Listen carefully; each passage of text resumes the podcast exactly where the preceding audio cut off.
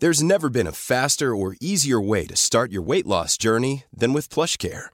PlushCare accepts most insurance plans and gives you online access to board-certified physicians who can prescribe FDA-approved weight loss medications like Wigovi and Zepbound for those who qualify. Take charge of your health and speak with a board-certified physician about a weight loss plan that's right for you. Get started today at plushcare.com slash weight loss. That's plushcare.com slash weight loss. plushcare.com slash weight loss. Hey, it's Ryan Reynolds, and I'm here with Keith, co star of my upcoming film, If, only in theaters, May 17th. Do you want to tell people the big news?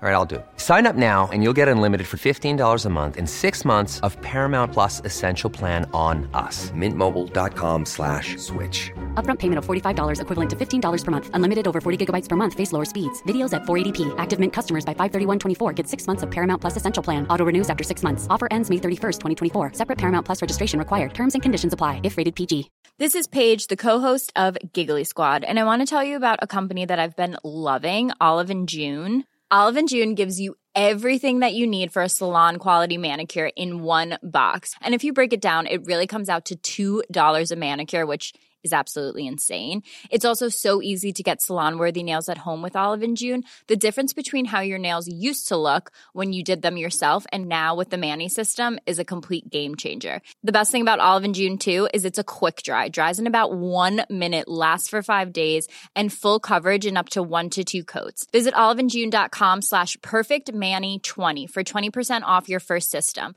That's oliveandjune.com slash perfect Manny 20 for 20% off your first system. God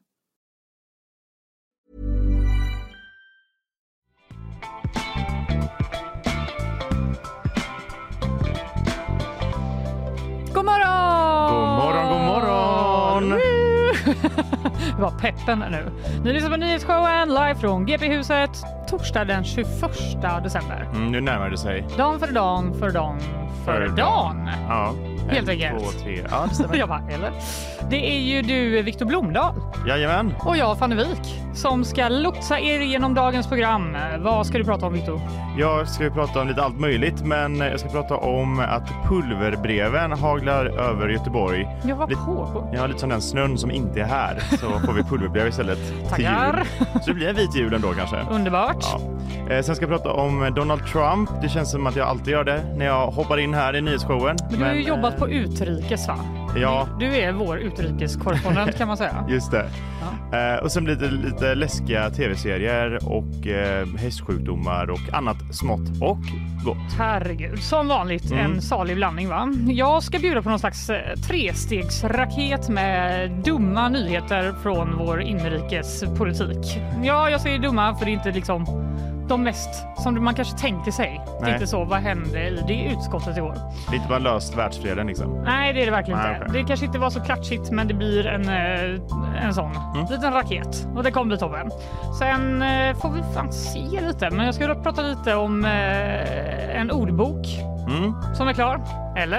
är den där? Frågetecken. Och en mystisk festival i Norrköping. Oj, Ja, det är faktiskt mystiskt på riktigt. Ja. Mer om det eh, sen. can't wait. Du var mm, vilken bra teaser. Ja, Det var meningen. Det var meningen. Hur är läget Viktor? det är bra. Det är, men var man nästan lite mentalt checkat ut va, för jul? Eller jag, känner jag. Eh, ja, du behöver inte säga det till mig Nej. om man säger så. Nej, men jag vet inte om du vet detta, men eh, det pågår ju alltså en cocktail av smittor. Är det så? En cocktail läser jag på g.se Mm. eh, in i Västsverige inför julen. Ja, just det. Det är RS-virus, det är influensa, det är inte så mycket covid vad det verkar. Det kanske kommer till nyår. Ny, Ja, nyårsmiddagen. Eller så har den redan liksom passerat den toppen, jag vet inte. Men eh, då är det ju inte en cocktail, för då är det bara två ingredienser Just och det. då är det en grogg. Ja, precis. Så man kan ta lite till, eh, istället för nubben så tar man cocktailgroggen. Exakt, en grogg av smittor Mm. sprider sig. Det är, ju- det är ett Eh. roligare rubrikord skulle jag säga. Ja, lite, jag vet inte om man hade fattat det. Jo, det hade man kanske. Ja, jo. Man har druckit en grogg Ja. eller två. Det, det har eh, slunkit ner så att säga. Mm, Oavsett så har detta i alla fall drabbat vår redaktion på en mängd olika sätt. Ska inte redovisa alla, men ett är ju då att Kalle är sjuk och därför är du här. Precis. Vi har ju sänt ihop innan va? Ja, det så har vi. trevligt. Ja, men verkligen. Men man kan ju säga som att jag är en sån här groggsymptom då, Ja, exakt. eh, i och med att jag sitter här. I med det. Ja. Dessutom kommer det här programmet bli historiskt eftersom vi för första gången sedan vi började då i oktober förra året Mm. inte har en gäst. Gästen blev sjuk. Ja. Eh, mer sjukt att det aldrig har hänt innan. ja, faktiskt. Med tanke på att vi ändå levt i efterdyningarna av en pandemi så, mm. Eller hur? Men eh, det betyder helt enkelt att det kommer bli ett lite kortare program. Men, eh, Men man får höra ännu mer av oss också. Exakt! Ja, Lite mer kött av oss. Tur att vi har så många bra, bra ämnen. mm, verkligen. Vi kanske bara drar igång va? Låt oss.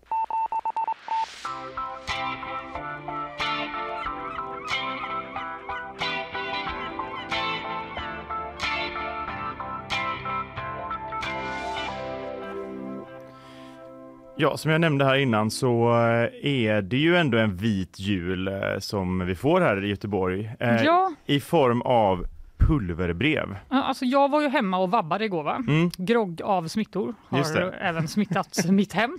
Ja. Eh, Men jag såg att du var ute på fältet va? Ja visst vet du. Det, Sände live. Sänder live, var där händelserna eh, sker. Ja. Eh, stod där och eh, jag tror att eh, eh, Love då, vår live-redaktör, han sa att, eh, för jag hade min reflex på mig också när jag sände live, så att jag informerade allmänheten, men också sa till kidsen att använd reflex. Så att jag var väldigt nöjd med min eh, samhällsgärning igår faktiskt. Wow. Mm. Eh, Jag var faktiskt ute då igår på Gamlestads torg eh, där det var någon mystisk insats som vi fick till oss när vi satt där på Nysesken. Polisen vill inte säga så mycket men eh, vi fick lite på klassiskt journalistiska avvägar reda på att eh, något form av brev med okänt innehåll hade kommit dit. Eh, och det var faktiskt full, full pådrag när vi var där ute, jag och Maria Sten och eh, rapporterade och fotade. Eh, det var liksom poliser, det var brandmän, det var ambulanspersonal på plats. Ett våningsplan fick stängas av men eh, det var ingen som liksom behövde evakueras mer eh, utan man kunde liksom jobba på andra ställen i den här ganska stora byggnaden som är Vad är det för byggnad? Det är ju den här som man ser på ganska långt håll som sticker ut, eh, ganska Den kantig nya? vit byggnad. Ja precis. Ah. Där, fint ska det vara, där huserar grundskoleförvaltningen bland annat och Okej. förskoleförvaltningen. Mhm. Eh, för det är faktiskt till grundskoleförvaltningen som det här pulverbrevet har skickats. Mhm. Eh, vi pratade där på plats med Christian Johansson som är säkerhetschef och han sa att de prat- eh, jobbar enligt rutiner. Mm. Men jag kunde ju såklart inte låta bli att fråga om eh, de har sett något ökat hot mot just grundskoleförvaltningen. För att vi har ju alla varit med i höst. Det har ju varit ökade hot mot Sverige. Det har varit upptrissat. Eh, Mm. Det är någon trea har blivit en fyra. Mm. Och sen så har det också varit lite skakigt, inte skakigt kanske, men eh, det har varit uppmärksammat inom förskolan i Göteborg också att det har ju varit vissa, någon förskola som fått stänga på grund av ett skyddsstopp, att det varit Mm. något problem där och det, det, det har varit mycket känslor liksom. Och då frågar jag honom om eh, han ser någon samband mellan det här pulverbrevet då som skickats in eh, och alltså jag kanske också ska förklara vad pulverbrev är. Det, Vad kan du inte göra det? det det är ju ett brev med något form av pulver i. Ja, Ja. konstigt nog. Men det har väl hänt någon gång i historien att det pulvret varit typ mjältbrand, vilket ju är superfarligt. Mm.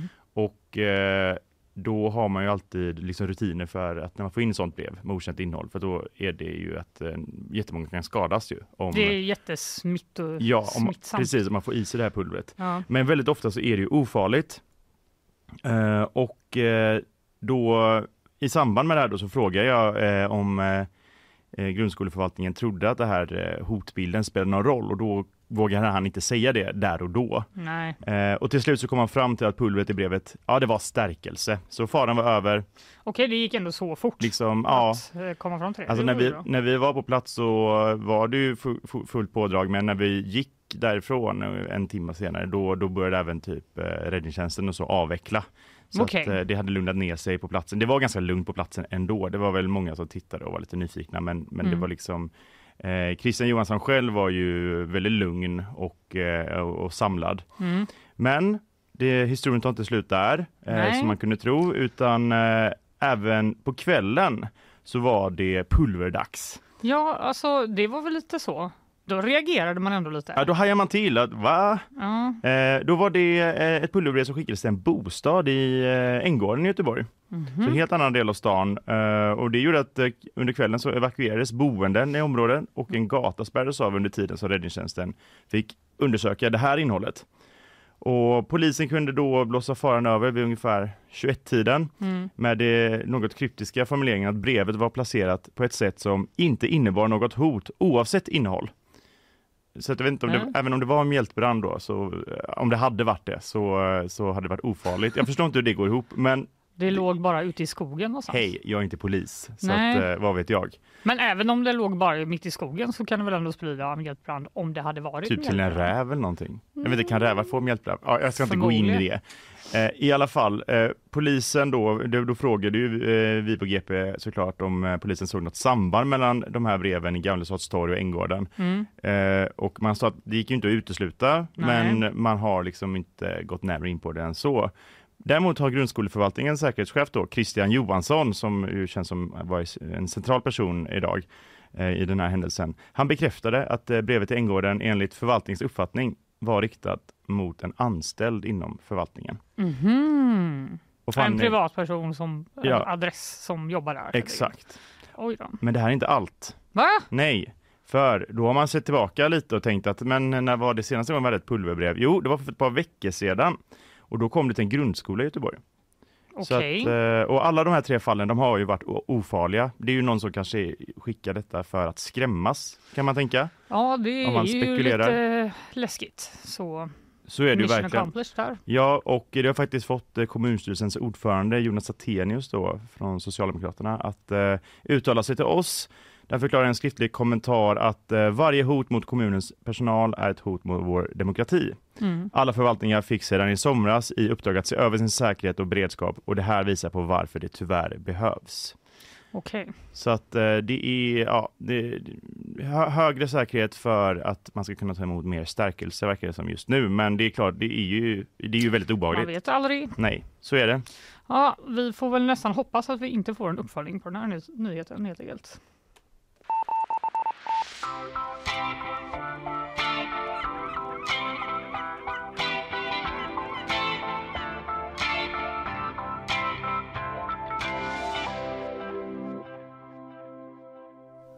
Det, nu är det ju trestegsraket har jag lovat. Äntligen! Lite tidigare ny, nyårsfyrverkerier. Ja, exakt.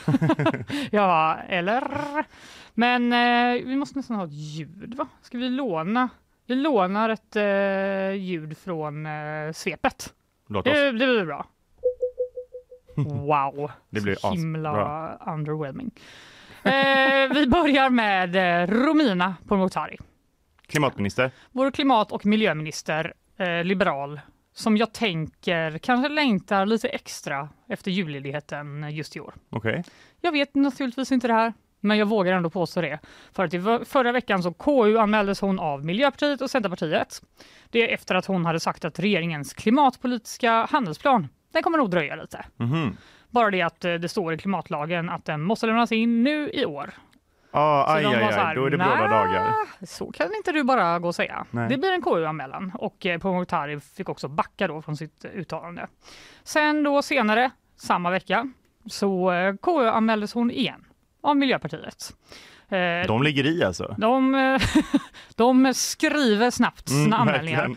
Då tillsammans med finansminister Elisabeth Svantesson eftersom Miljöpartiet anser att regeringen har lämnat vilseledande uppgifter i budgeten kring hur stor klimatpåverkan eh, politiken kommer att ha fram till 2030. Mm.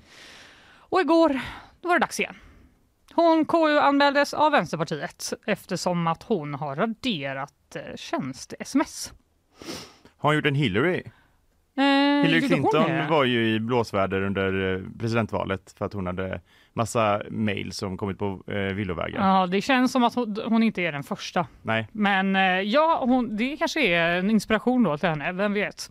Eh, hon har i alla fall gjort det här, men jag tänker att jag kanske lite måste förklara nu vad Mm. KU-anmälan är om Ja, eh, någon inte kommer ihåg det. För att eh, det har man säkert lärt sig på typ högstadiet? Frågetecken. Har man ens det? Jag vet inte. Nej. KU är alltså konstitutionsutskottet och de har då som uppgift att granska att regeringen följer reglerna. Mm. Riksdagsledamöter kan anmäla regeringens ministrar till KU om de tycker att de gjort något fel. Eh, därför då har Romina Pourmokhtari haft en eh, tuff, tuff vecka. Just det. De tycker hon har gjort fel på olika sätt. Eh, då kan den här ministern i fråga, alltså Romina Pourmokhtari i detta fallet, eh, kallas till KU och frågas ut i sådana öppna utfrågningar som vem som helst kan gå på. Och de kan sedan välja då att rikta kritik mot ministern om de tycker att de har gjort något fel, men de kan inte avsätta någon. Den makten har de inte.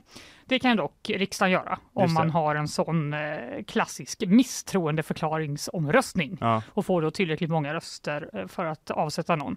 Men, där är vi ju absolut inte nu. Då, Nej, men utan- spelar de här KU-besluten något roll då? jag vi- gissar att det är det som de har som underlag då Ah, inför okej. de här eh, utröstningarna. Eh, att då kan man se vad de får för typ av kritik. Jag menar om KU är så här, hon har ju inte gjort något fel. Nej. Man får radera sms. Är det så fel? Ja, då kanske Ja. det blir svårt att Mm. eh, rikta misstroendeförklaring då helt Just det. enkelt.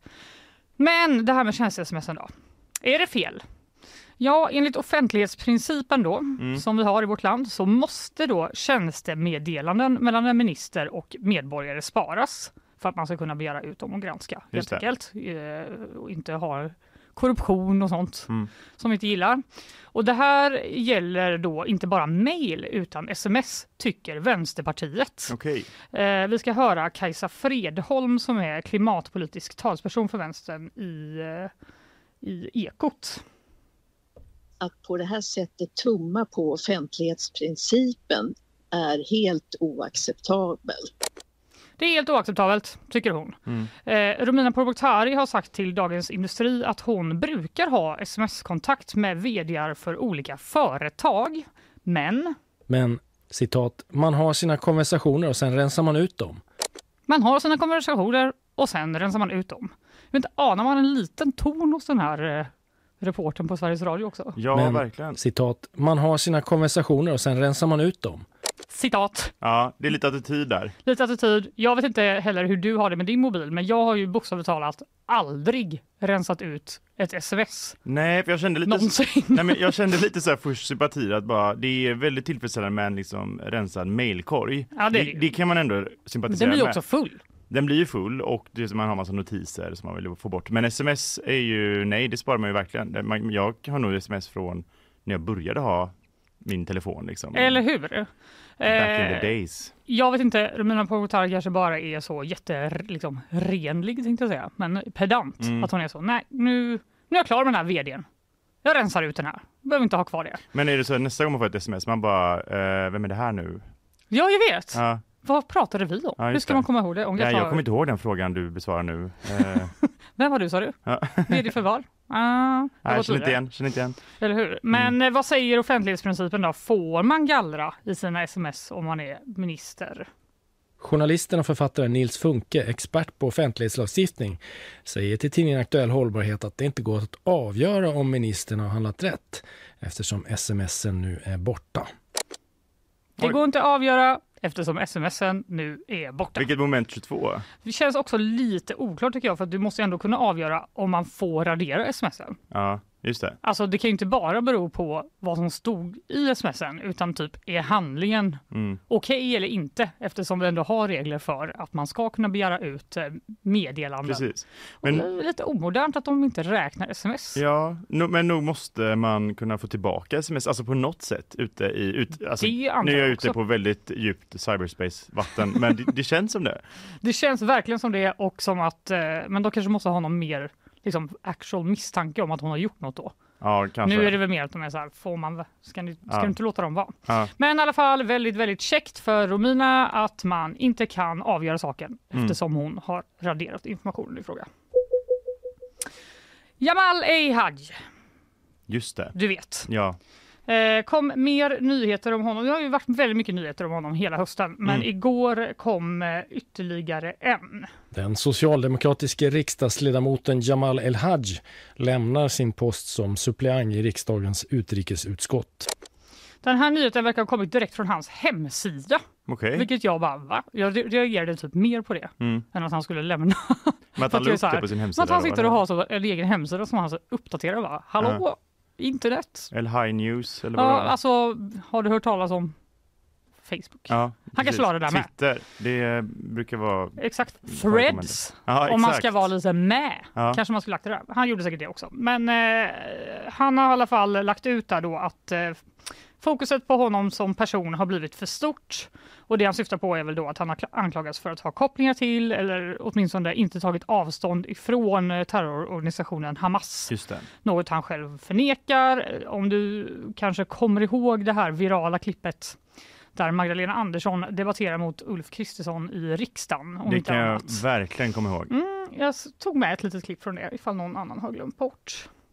Ulf Kristersson, herr talman, Ulf Kristersson, anklagar du Jamal Hamas för att ha, vara en terrorromantiker? Det blir viralt för att det låter som att hon säger Jamal El Hamas. Mm. Eh, och Just det. det. det här var ju strax efter tror jag Ulf Kristersson var på Pustervik. Och, Ja, det var det nog eh, ja. Precis. Det känns som det var efter, för att det var lite som att de bara nu sa han Ja. också fel! Ja. Det som hände där var ju att eh, han, det var en frågestund på Pustervik där det insinuerades att han sa att Sverige och EU står enat i att Israel har Mm. rätt till folkmord. Just det, folk mo... Och sen så, just det. Mm. Exakt, eh, det han sa var ju folk mm, till försvar inom Mm. ramen för folkrätten. Tänk att vi är där, att man är så här, haha, han sa fel. Jag vet, det är verkligen... Och så bara, hon sa också fel! Ja. Bara, det, är det någon Tokerier. som tror att de menade det? Ja, jag jag tror inte det. I alla fall så eh, var det ju också att eh, Magdalena Andersson blev typ viral för att hon nästan grät. Mm. Att det var så. Och hur kan det Gråt. Hon står och lipa. Ja. Eh, oavsett, eh, El Haj som alltså då lämnar utrikesutskottet eh, på grund av detta då.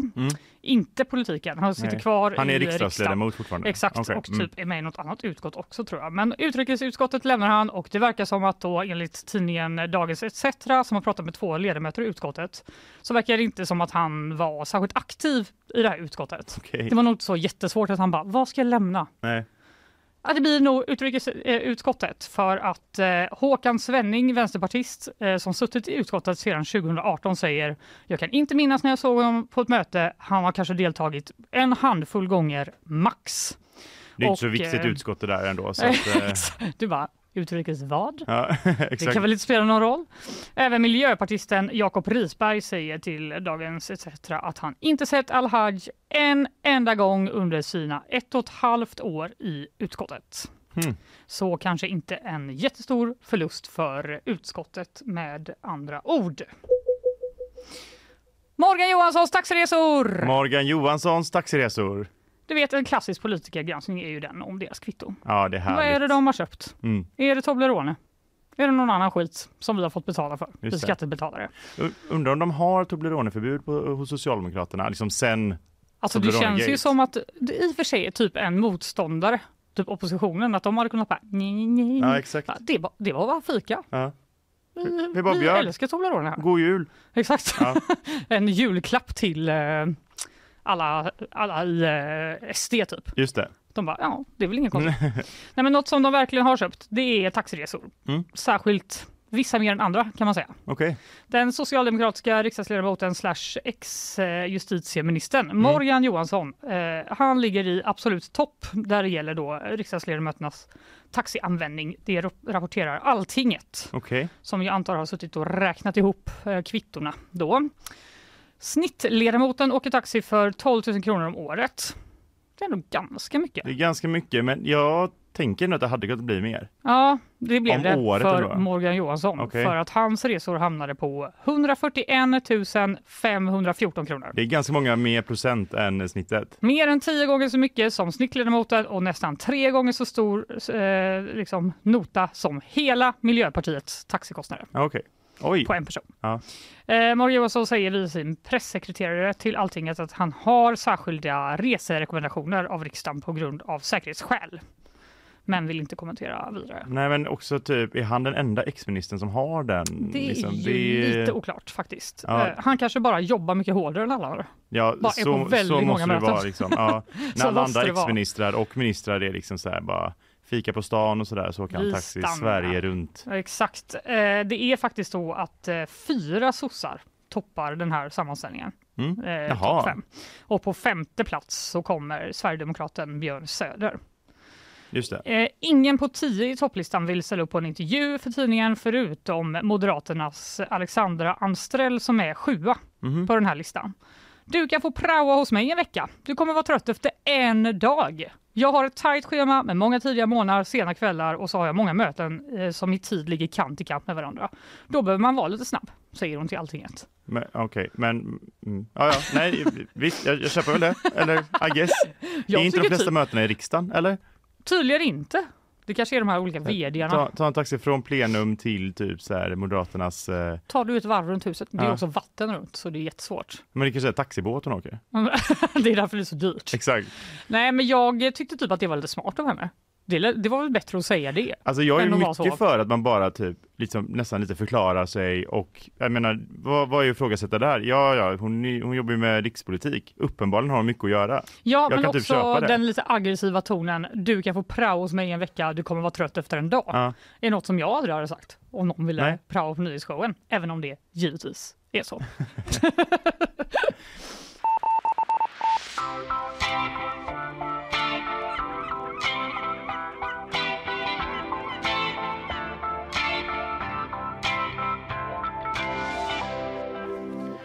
Du, jag kom på en grej.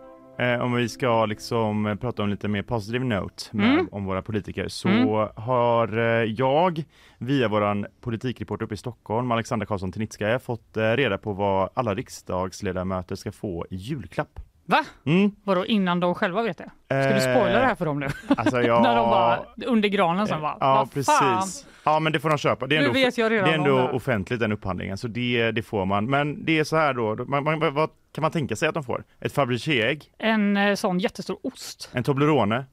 Nej, jag Ja, vet inte. Det hade väl varit något. Eh, vet du vad? Jag blev lite besviken. Det är Nej. ganska tråkigt. Eh, för så här är det. Regeringskansliets julklapp till medarbetarna 2022-2023 består av ett digitalt presentkort som kan användas till olika produkter hos en eh, viss leverantör. Va? Ehm, Hur eh, mycket p- pengar? 500 kronor ska de få. Reaktioner Eh. Isabella? Aha, det var en annan mick. Den har lagts på andra kanalen. Jaha! Nu hörs jag bättre va? Ja, nu Ja, hörs visst. det bättre. Hej, hej. Eh, ska jag reagera på det? Gud vad tråkigt. Och, eh, sen är det väl också eh, lite väldigt tydliga så här, skattelagar kring sådana där grejer. Väldigt reglerat Mm. tror jag vad man får köpa och så. Men det är väl därför Så. det är lite tråkigt. Ja, exakt. Men vadå, en ost kan man väl få köpa till någon? För 500 spänn. Ja, en sån Ja. jätte... Men du vet en sån jättestor ost. En sån rund Ja, härlig. som de rullar. Det hade Alltså- varit skitkul om de bara rullat ut dem sen från jobbet allihopa. På väg hem till tunnelbanan bara. Alltså grejen är med en sån där ost, vad ska man göra med den? Den kommer bara bli dålig. Jag kollar på en del skid, skidor, då får, har de, får de ofta väldigt mycket ost. Men vet du hur länge en Alltså ost bara- klarar sig? Det är bara Ja skära men samtidigt så det, här, det som är dåligt. nu är riksdagsledamöterna och de som jobbar där, de är Mm. ju ändå hemma i Sverige. Men Mm. de här stackars idrottarna som reser, ska de packa ner osten Nej, i har sin, de har resväskan? sin vanliga utrustningsväska och sen ostväskan som bara följer med dem. Och, De som vinner tyngre. mycket. Alla har packat en Alla i extra Norge. tom Ja, väska som de tar med sig. ja. Ja, Ost det per är- capita i Norge är gigantiskt Ja. tack vare eh, Alla Det längdskidor. kanske Alla är som när de Det var hade väl i ost, ost-SM? exakt, det var i ost-VM var det väl? Ja, ja VM var det. I, det. i, i Trondheim. Ja, det kom ostar från hela världen Ja. och alla lämnades kvar. Och Det- de fick inte ges bort utan skulle typ slängas. Det var Så ingen som kom, det var en massa skidskyttar som kom till eh, Norge. och Vill skulle... ni ha lite mer? ja, ja, eh, skit i det här nu va. Ska vi prata om nyheter istället? Det ska vi Du göra. ska få tillbaka ditt eh, nyhetspip. Tack. En kraftig brand har brutit ut på Holmsunds brandstation utanför Umeå. Det första larmet kom in strax efter midnatt och uppgav att det handlade om en mindre brand. Men branden visade sig ha en kraftig framfart och hela vagnhallen förstördes inom bara en kort tid. Även stationens fyra brandbilar har förstörts. Man lyckades ändå begränsa spridningen och räddade kontorsdelarna och andra delar av stationen och ingen person uppges vara skadad. Förhandlingar pågår just nu i Egypten om ett eldupphör i Gaza. Men källor uppger till Reuters att parterna står långt ifrån varandra och troligtvis kommer man inte se någon vapenvila innan, inom den närmsta tiden. Hamas kräver ett stopp på Israels militära insats i Gaza och kräver mer nödhjälp innan man förhandlar om gisslan. AFP uppger istället att Israels president Netanyahu förkastar alla förslag om vapenvila och att förhandlingar inte kommer ske förrän Hamas eliminerat. Thoughts. Häckens damer har gått felfritt genom Champions League hittills men igår blev segersviten bruten. Laget tog emot Premier League-ettan Chelsea på Bravida Arena och en rekordstor publik, 5 566 personer, hade tagit sig till matchen. Men inför st stor publik blev det alltså första förlusten. Häcken lyckades inte hålla det oavgjorda 1-1 resultatet i halvlek utan efter en stark andra halvlek av Chelsea så slutade matchen 3-1. Vid vinst hade Häcken varit klar för kvartsfinal i turneringen men med förlusten gick nu Chelsea om i tabellen. Ja, det, jag antar att du var bänkad igår. Nej, men jag såg faktiskt inte den här matchen, tyvärr. Va? Kvinnohat? Men var, var den inte väldigt sen? ja exakt, det var det, som var anledningen. Ja. Det var jättesen. Aha, okay. Nej jag vet faktiskt inte. Men, jag, jag såg den inte. Nej, jag hade fullt upp, jag hade fullt med att slå in paket som man gör i den här tiden. Just det. Va? Mm. Var det ett present, digitalt present? Nej det var det och inte. ens att slå in? Nej, eh, nej det gör det inte. Har du köpt någon julklapp eller? Eh, ja, ja gud, jag, var, jag har varit jättetidig. Ja. Jag, var, jag var klar, jag var klar med julklapparna för typ två veckor sedan. Det känns väldigt typiskt dig Viktor faktiskt. Ja. Så här, ordningsam, koll på läget. Ja, men jag då? Nej, inte du. ja, ja, det Ingen kommer en ens. jul nästa år också tänkte jag säga. Precis.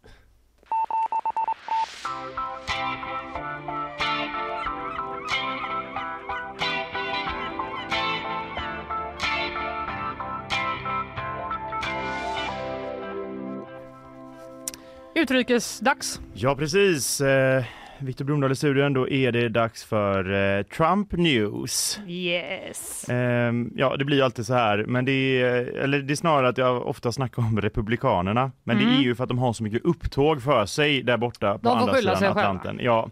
Och eh, vi har ju pratat väldigt mycket om mannen, myten och i vissas ögon då legenden Donald Trump. Och han skapar ju rubriker, ofta i samband med någon form av rättegång. Ja, det får man säga. Så är även fallet idag.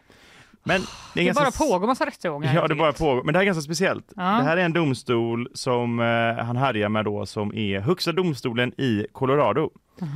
Eh, och där är det, det är något helt annat som nu chockat USA, eh, som inte är de här eh, andra åtalspunkterna, du vet, när han, eh, ja, jag orkar inte gå in på det där, men det är ju Det typ inget 91 han har olika gjort. punkter. Nej, såklart inte. Nej, Nej. Eller ja, nej, inte, inte när det kommer till HD Colorado. Nej. Det är så nämligen att eh, högsta domstolen i delstaten då Colorado, en av eh, 50, har bannat Donald Trump från att ställa upp i presidentvalet där.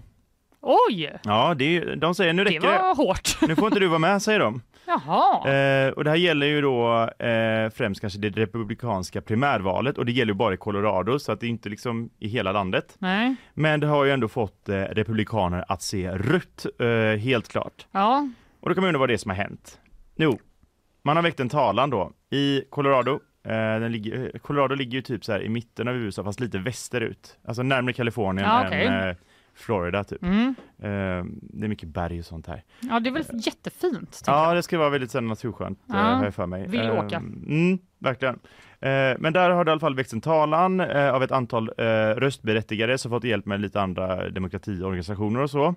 Som ifrågasatt eh, om eh, Donald Trump verkligen fick ställa upp som president. Mhm. För man menar att eh, Donald Trump då genom att eh, uppvigla till de här eh, upploppen som var den, eh, ja, i januari där 2021 då efter Mm. presidentvalet 2020. Mm. Du vet när Kapitolium stormades. Det, Minns. Ja, precis. Minns det som det vore igår. det Men ju- typ alltså. Ja, och han är ju i rätten för eh, andra eh, händelser som är kopplade till det, typ att han ska uppviglat eh, människor till Mm. att eh, storma Kapitolium och stoppa liksom presidentövergången. Eh, men det, det är lite semantik man snackar om här, men eh, i alla fall enligt den här talan då i Colorado så tycker man att han har brutit mot det 14 tillägget i den amerikanska konstitutionen eller grundlagen. Mhm. Och den eh, säger då att en person som eh, har svurit eden, Mm. alltså den här typ presidenteden eller andra eder man gör i samband med att man har något politiskt ämbete i USA, Eh, då säger man ju bland annat att man ska stå upp för den amerikanska demokratin. Mm. Och om man då samtidigt i den rollen sen har uppviglat för att jobba aktivt emot den amerikanska demokratin så ska man inte kunna få inneha ett offentligt ämbete igen efter det. Mhm. Eh, typ så eh, är, är lagen tolkad och den här kom till då lagen, det 14 tillägget, eh, någon viss paragraf där, eh, efter det amerikanska inbördeskriget på 1800-talet. Va? Men Mm. alltså ingen har tänkt på det här innan? Ja, eh, Eller är det att han inte är Nej, men- dömd för något? Nej men det ska ju ganska mycket till för att man ska döma sig det. Alltså, för att det är ju fortfarande omdebatterat om man, om man verkligen kan koppla honom till att ha uppvilat den här eh, ja, upploppen i absolut. Kapitolium. Och liksom vad är att jobba emot demokratin liksom? Det, är- det, är, ju, det är ju svårt att kanske konkretisera det. tolkning. Mm, men det som var väldigt tydligt efter eh, inbördeskriget var väl att sydstatsledare där inte skulle få politisk makt i USA. Mm. Och då hade de ju typ krigat mot den amerikanska staten. Så då, då det är ju ganska tydligt eh, Ja, att man arbetar man mot demokratin då. Eh, och det är första gången som en domstol beslutat eh, att en person faktiskt inte får ställa upp i, i något sånt här eh, val Mhm. eh, med hjälp av den här lagen sen inbördeskriget. Så det är ju ganska historiskt det här liksom. Han blir historisk gång på gång va? Mm. Och då menar HD då i Colorado att det är inte bara historiskt där utan det är också berättigat för det är viktigt att skydda demokratins framtid i landet. Mm. Eh, det säger, nej men vänta, nej det här säger de som står bakom den här stämningen då, så det är inte själva HD Mm. Aha, i okej, Colorado ja. som säger det. Och vad tycker Trump om detta då? Han tycker det är jättebra! Nej. Exakt. Nej, men han, han och många republikaner med honom eh, menar ju att det här bara är politiskt hittepå. Ja, det är klart. En sorglig dag för Amerika, eh, har han sagt. Och eh, i The Guardian noterar man dock att han snabbt, han är ganska duktig på det här, men han har snabbt använt eh, denna rättegång, som ganska många andra rättegångar han är involverad i, till att få in lite para till sin eh, partikassa. Mm. Nästan omgående efter att domen föll så skrev han på sin, eh, sin egen sociala medieplattform Truth Social att eh, breaking news! Colorado har just tagit bort mig från valsedeln. Eh, typ, eh, skicka dina pengar nu. Va? Ja, eh, Okej. så att han ska få mer. Så att han, eh, det, det här kan han utnyttja. Jag bara, hur? Vad har det med något att göra? Men, Ja, väldigt oklart. Men hans politiska motståndare inom Republikanerna då, Ja, eh, i det här primärvalet, de har ju såklart protesterat mot det här domslutet olika, på olika sätt. Flera uppmanar varandra att hoppa av primärvalet i Colorado Mhm. eh, i solidaritet så att det inte ska finnas någon att rösta på där. Mm. Presidentkandidaten Ron DeSantis, Mm. eh, den här märkliga eh, guvernören får man väl ändå säga, eh, han har betett sig lite märkligt i vissa debatter och så. Ja, det får man säga. Ehm, mm, eh, från Florida där. Han, han har fört en ganska speciell argumentation för att det här domslutet är ett drag av Demokraterna Mm. för att öka sympatierna för Donald Trump så att Donald Trump ska kunna vinna det republikanska primärvalet. Varför skulle Demokraterna vilja det? Jo, för då menar väl Ron DeSantis att eh, det är större sannolikhet att Demokraterna vinner det stora presidentvalet mot Donald Trump än mot någon av de, någon av de andra kandidaterna. Inget Kanske han hans själv då. självförtroende. Det är det inte, även fast. Även fast det, han får ju mindre och mindre stöd hela tiden, Ron DeSantis. Mm. Eh, så att Trump leder ju rätt stort i det republikanska racet redan, så det är ju ganska tveksamt om den här teorin har någon bäring, men det är Mm. en teori i alla fall. Ja. Och då innebär, vad innebär det här egentligen, kan man ju undra. Jo, då om den här domen står sig så får ju Trump tekniskt sett inte ställa upp i valet i Colorado. Men det Mhm. finns ju 49 andra delstater där han faktiskt får ställa upp. ja. Så egentligen spelar det inte så stor roll. Eh, primärvalet eh, lär han vinna i det stora hela om det, opinionen håller sig eh, inom Republikanerna. Yes. Och det här domslutet innebär också att han inte får ställa upp som presidentkandidat i Colorado. Så om han vinner där så finns, får inte han representera. Ja, det är rörigt. Ja, jag menar, vad händer om han blir president? Ja, men om, man, om man blir president då är det ju så liksom. Eh, men han får Men han får inte räkna de rösterna därifrån. Precis, men det spelar egentligen ingen roll Aha. för Colorado är ju typ alltid eh, demokratiskt. Mhm. Så att eh, det är liksom en, en sån här är en delstat. symbolfråga. Ja precis, det är en delstat som Republikanerna inte brukar lägga så mycket krut på. För att den, den är liksom, det är som Kalifornien, det är nästan hopplöst. Ja. Liksom. Eh, de satsar på mer viktiga swing states så att säga. Mm. Eh, men helt, eh, helt klart är ju inte allt det här för en dom kan ju väldigt oftast överklagas och så kan det även göras när det är en dom från Högsta domstolen i en delstat. Mhm. För då kan den gå till eh, stor-HD, alltså den federala Högsta domstolen i Washington. Ja. Eh, och där är ju faktiskt majoriteten av domarna konservativa Ja. och flera av dem har ju tillsatts av Donald Trump. Så många tror ju att eh, HD där Aha. kommer ju att driva upp den här domen från Colorado. Okej. Men helt lätt är det inte för att eh, Högsta domstolen fått ganska mycket kritik i Washington för att den är väldigt politisk och Mm. har tagit sig an väldigt många politiska frågor. Typ abortfrågan, Roe versus Wade till Just det. exempel. Och eh, då är ju frågan hur hårt man vågar gå emot den här, för det är ju ändå den högsta domstolen i Colorado, liksom den högsta eh, instansen i en delstat då som eh, röstat om det här. Sen, många tror att de kommer nog gå så pass hårt åt att de ogillar det här eh, Mhm. Eh, den här domen. Men det är en känslig fråga. Mm. Fortsättningen följer helt enkelt, men eh, Trumps äventyr genom det amerikanska rättssystemet, det är långt ifrån över.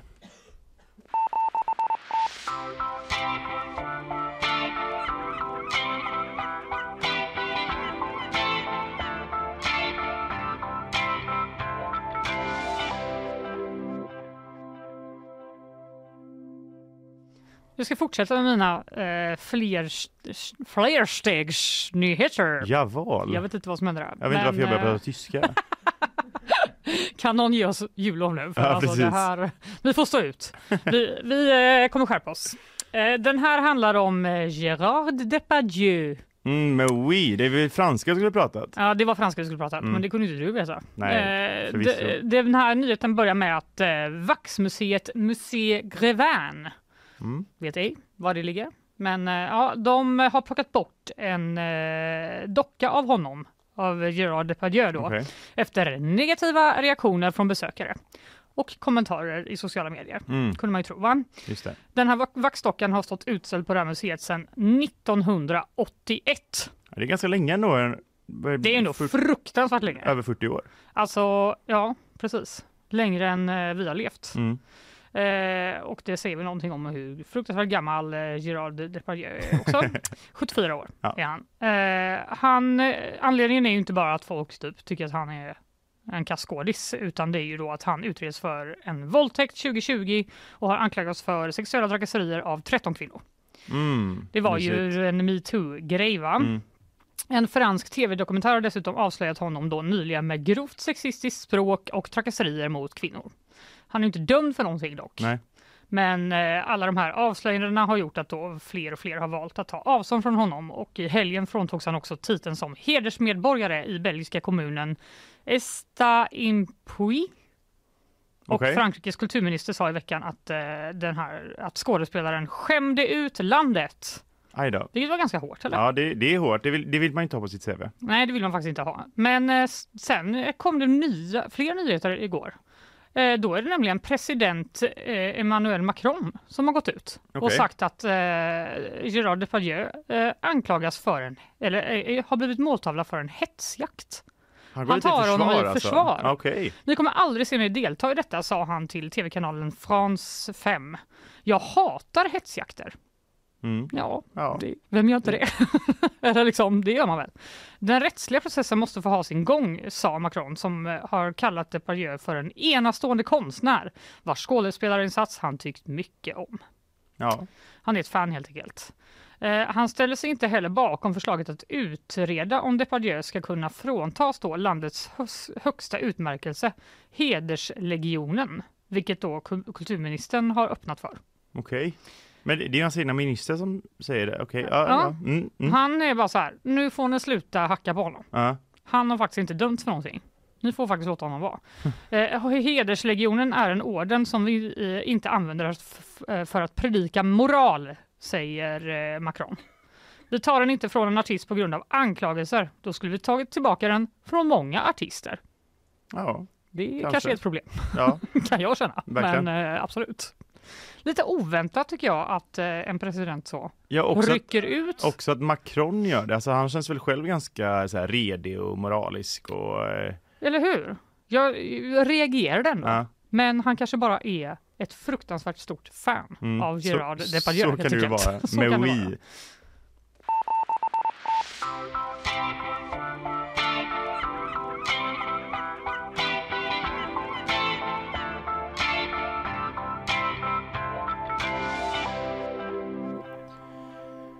Hörru du, eh, julkalendern, följer, Ja. följer du den? Alltså nej, för jag läste i eh, Jan Anderssons recension att den var lite för läskig för de små. Och Ah, eh, okej. min dotter är inte ens två år. Nej, du- ja, Så då kände jag, jag kommer lita på Jan. jag förstår Och det. typ att jag inte orkar liksom se den själv utan jag vill ju se den med henne. om det ska Ja, vara. såklart. Så jag kollar då på Bolibompas tecknade julkalender som är typ en minut lång varje dag. Det Där låter i och typ för sig så, en pepparkaka toppenmysigt. som sjunger. Ja, hon tycker det är så otroligt mysigt. Så därför gör jag också det. Har Just sett eh, avsnittet med låten Tipp Tapp kanske, ja, jag skulle säga uppåt 50 gånger. Mm, låter inte lika mysigt. Nej. Nej. Jag, jag såg väl två avsnitt kanske innan jag kände att, eh, nej men jag vet inte, det, det var, den var fin och så, men, men jag fångades liksom inte. Nej, Det kan ju vara för att jag är 31 år och att det är väl för barn, men jag menar ändå liksom. vuxna verkar ändå gilla den. Den har ju fått beröm Ja, i år. jo den har ju fått liksom. Mm. Men eh, ja, man kanske ska ge den en chans. Det är Vet de vad, det kanske också är dagarna. så här om du ska se den med dina barn så är den liksom roligare än andra saker du kan se med dina barn. Men det Ja. kanske inte liksom håller utanför det. Nej precis, när man liksom ska, ska käka middag efter en eh, lång dags jobb. På och bara, kneget. Ja, så bara sätter man man, sig bara, nu har man eh, lagat sina köttbullar och makaroner och så bara, vad ska jag se på? Så kanske man inte känner, Nej, jag köper ändå det. vad är bakom lucka 15? Det var ett litet troll. ja, ja, precis. Men, Tänka sig. men det är ju då Trolltid vi pratar om Mm. och eh, eh, det, det är intressant att du tar upp det här med läskighet då, för Mm. att eh, det här har ju fått eh, våran kulturredaktion att reagera lite. Eh, skådespelaren Emma Brome Bro med. Brom, ja, jag- tänker bara Lotta? Bromé, men alltså det är liksom två O och så ett E, men ja, vi ska inte förkovra oss i kanske hur det uttalas till efternamnet, men Emma Bromé, Broomy. Broomy, ja, hennes, hennes tolkning av karaktären eh, Servilia i alla fall eh, är väldigt lik Gollum tycker man på Jaha. GP Kultur. Och eh, att eh, det, hon kan vara en eh, skrämmande karaktär då eh, för både vuxna och barn. Oj! Ja, och det har fått dem att spinna vidare lite på vad finns det andra för läskiga eh, serier som skrämt, eh, skrämt upp en som barn. Mhm. Och då har liksom lite olika eh, kollegor på kulturredaktionen fått eh, uttala sig. Mm. Vi har ju då eh, Carl Pettersson Moberg Mm. eh, som eh, han tycker att eh, i serien Landet för länge sedan eh, med dinosaurierna där du vet. Jag har faktiskt inte Ja. sett den så noga. Har du det? Ja, det har jag ju. Du kanske är lite för ung. Ja, precis. Men jag har inte sett den sedan jag var barn, så jag Nej. minns ju jag jag minns att eh, de skulle ta sig från en plats till en annan Exakt. plats och att det var väldigt dramatiskt. Och du Det är vet, ungefär det jag minns. nu när jag läser det så har äntligen polett fallit ner, för jag var lite orolig att uttala det här, för det är en dinosaurie som är läskig, som, eh, så, så är det ett namn här och jag bara, men hur, hur tusan ska det här uttalas? Det ser jättekonstigt ut. Jag bara, vadå vasstand? Men det är ju Aha, vasstand. Vasstand! Alltså, låter inte läskigt. nej, nej, jag vet. Gulligt. Fråga till. Eh, ja, frågan är om det är det. I alla fall, det är väl någon form av eh, eh, Tyrannosaurus rex då, Aha. som dödar Lillefots mamma och är ju väldigt, det är ju en, ja det, det ser ju dramatiskt ut på den, eh, den bilden som de lagt upp eh, på sajten. Den, den tycker Carl eh, Pettersson Moberg då var läskig, liksom våldet och insikten om eh, och det ofattbara sorgen skrämmer fortfarande. Ja. Eh, och dödandet av, av eh, mammor i återkommande barnfilm, alltså allt från Bambi och Micke och Molle och Hitta Nemo. Det, det har liksom satt spår då hos honom. Ja, det förstår jag. Mm. Jag är glad att jag inte minns det här. Nej, Mm. Kulturchef eh, Johan Hilton eh, har då vänt sig eh, tillbaka till Trolltider fast eh, inte då 2023s tappning utan sjut- eh, 1979 års eh, Trolltider. Oj då. Där tycker han då att det är Sigge Fürsts karaktär, nej ska vi se här, eh, ja men precis det är ett bergatroll ja, Sigge Fürst. Bergatroll som är stor, lunsig och umhetsstörstande som kidnappar den stackars Daisy, sätter henne i en bur och utnämner henne till sitt lilla pyre. Det låter ju oerhört obehagligt faktiskt. Eh, ja, det får man säga. Ja. Eh, sen så finns det lite exempel på skeletten i, eh, skelettet i museet på Greveholm. Minns inte. Eh, nej, men det, det är perfekt för min ålder. Det, det var ju riktigt läskigt. Riktigt dåligt Jag har animerat. så himla dåligt minne. Ja, Men okej, det var dåligt eh, animerat men ändå läskigt. ja. Sen Mm. nämns liksom He-Man och eh, även häxan i eh, Narnia bland annat. Mm. Men eh, vad känner du själv? Eh, Har du något exempel på? Alltså jag känner nu när vi pratar om det här att det är den som eh, jag blivit kanske som jag tyckte var läskigast när jag var liten, liten var ju Scar. Ja, just alltså det. typ att han var så Mm. manipulerande ond. Mm, riktigt ond. Och att, eh, ja, alltså det var ju kanske mitt första eh, eh, filmtrauma. Ja. Men alltså, vet inte, annars så jag undviker ju allt som är läskigt. Jag tycker liksom inte det är kul. Nej. Jag är ingen sån skräckis-tjej. Nej, men jag är eh, så lika... här, varför skulle jag vilja bli rädd? Nej, jag, jag jag har varit exakt likadan faktiskt. Ja. Ehm, just den obehagskänslan, att man vill leta upp den, det har jag inte förstått. Men, Nej, eller hur? Men, sen- vad är du rädd för? Jo, ja, du men- bara Bumbibjörnar och... Nej, men från när jag var liten så finns det att en, en serie som jag tyckte verkligen eh, visserligen hanterade skräck fast på ett lite så här mer, eh, inte, alltså, på ett läskigt sätt men det var inte så här hoppa till, alltså det är inte så här gastkramande, det är ju eh, tillbaka till Mumindalen. Eh, som är kanske en av mina absoluta favorittecknaserier från när man var liten. Ja, verkligen. Och då, alltså många tar ju upp Morran, Ja. eh, tas också upp här i eh, GP Kulturs eh, artikel, bara i förbifarten. Mm. Men liksom, du vet hur allting bara blir kallt när morgon går och eh, Ja. liksom eh, ho- hon, hen bara står utanför Muminhuset liksom, och stirrar på dem. Och så får eh, hon någon snäcka av Muminmamman och, som nästan förfryser och sen så vänder hon och sen så, så blir typ himlen något så här läskigt norrsken och så hör man bara Jag kommer tillbaka. Det är så, ja jag får rysningar. Men så men det är så häftigt också. Ja, men det är ju verkligen eh, och det representerar ju något fint, ensamhet och sådär eh, Ja. har man ju läst i efterhand. eh, Att Ja men det några- fattar man ju ja, kanske inte när man är litet barn. Nej, Då flyger det över huvudet på en säga. men sen har vi också trollkarlen i Mumin som rider Ja, på en just det. panter. Och där var det nog för att de jobbar så himla mycket med så läskigt ljud i bakgrunden. Liksom. Att när han kom med sin panter så var det liksom väldigt dramatisk musik och det var liksom dramatiska färger runt något berg när han eh, liksom red på den här pantern och letade efter sin eh, kungajuvel tror jag. Mm. Eh, och han såg ju ganska barsk ut, eh, även fast han var nog ganska snäll i slutändan när allting löste sig liksom. Det känns som Tove Jansson vågar liksom mer. Hon tog det ett steg längre Ja, där kan man säga. Men nu ska jag visa dig en liten, liten gosedjursversion av morgon så du aldrig mer behöver vara rädd. Ja, okej. Ja, men jag kommer lägga upp den här på vår Instagram för den är, är ju- för rolig. Där är ju när morgon är riktigt, eh, ja men precis, när, är liksom- när morgon inte är ensam längre. Ja, Utan fått ett barn som, vi kan hoppas det Älskar eller så hem. är det bara någon som är riktigt men dålig på du, att sy. ja, jag ska bara nämna en enda grej till om se- se- tv-serier som jag tyckte Ja. var läskig när jag var liten. Ja. För jag fick ett minne nu av att jag liksom fick flytta eh, en köksstol eh, och sätta liksom längst bak i hallen så att jag ändå såg tvn i vardagsrummet men att jag liksom ville inte vara så nära tvn jag sov. Nej. Och det är så himla knäppt för att den är ju inte läskig alls den serien egentligen. Men det är liksom smurfarna.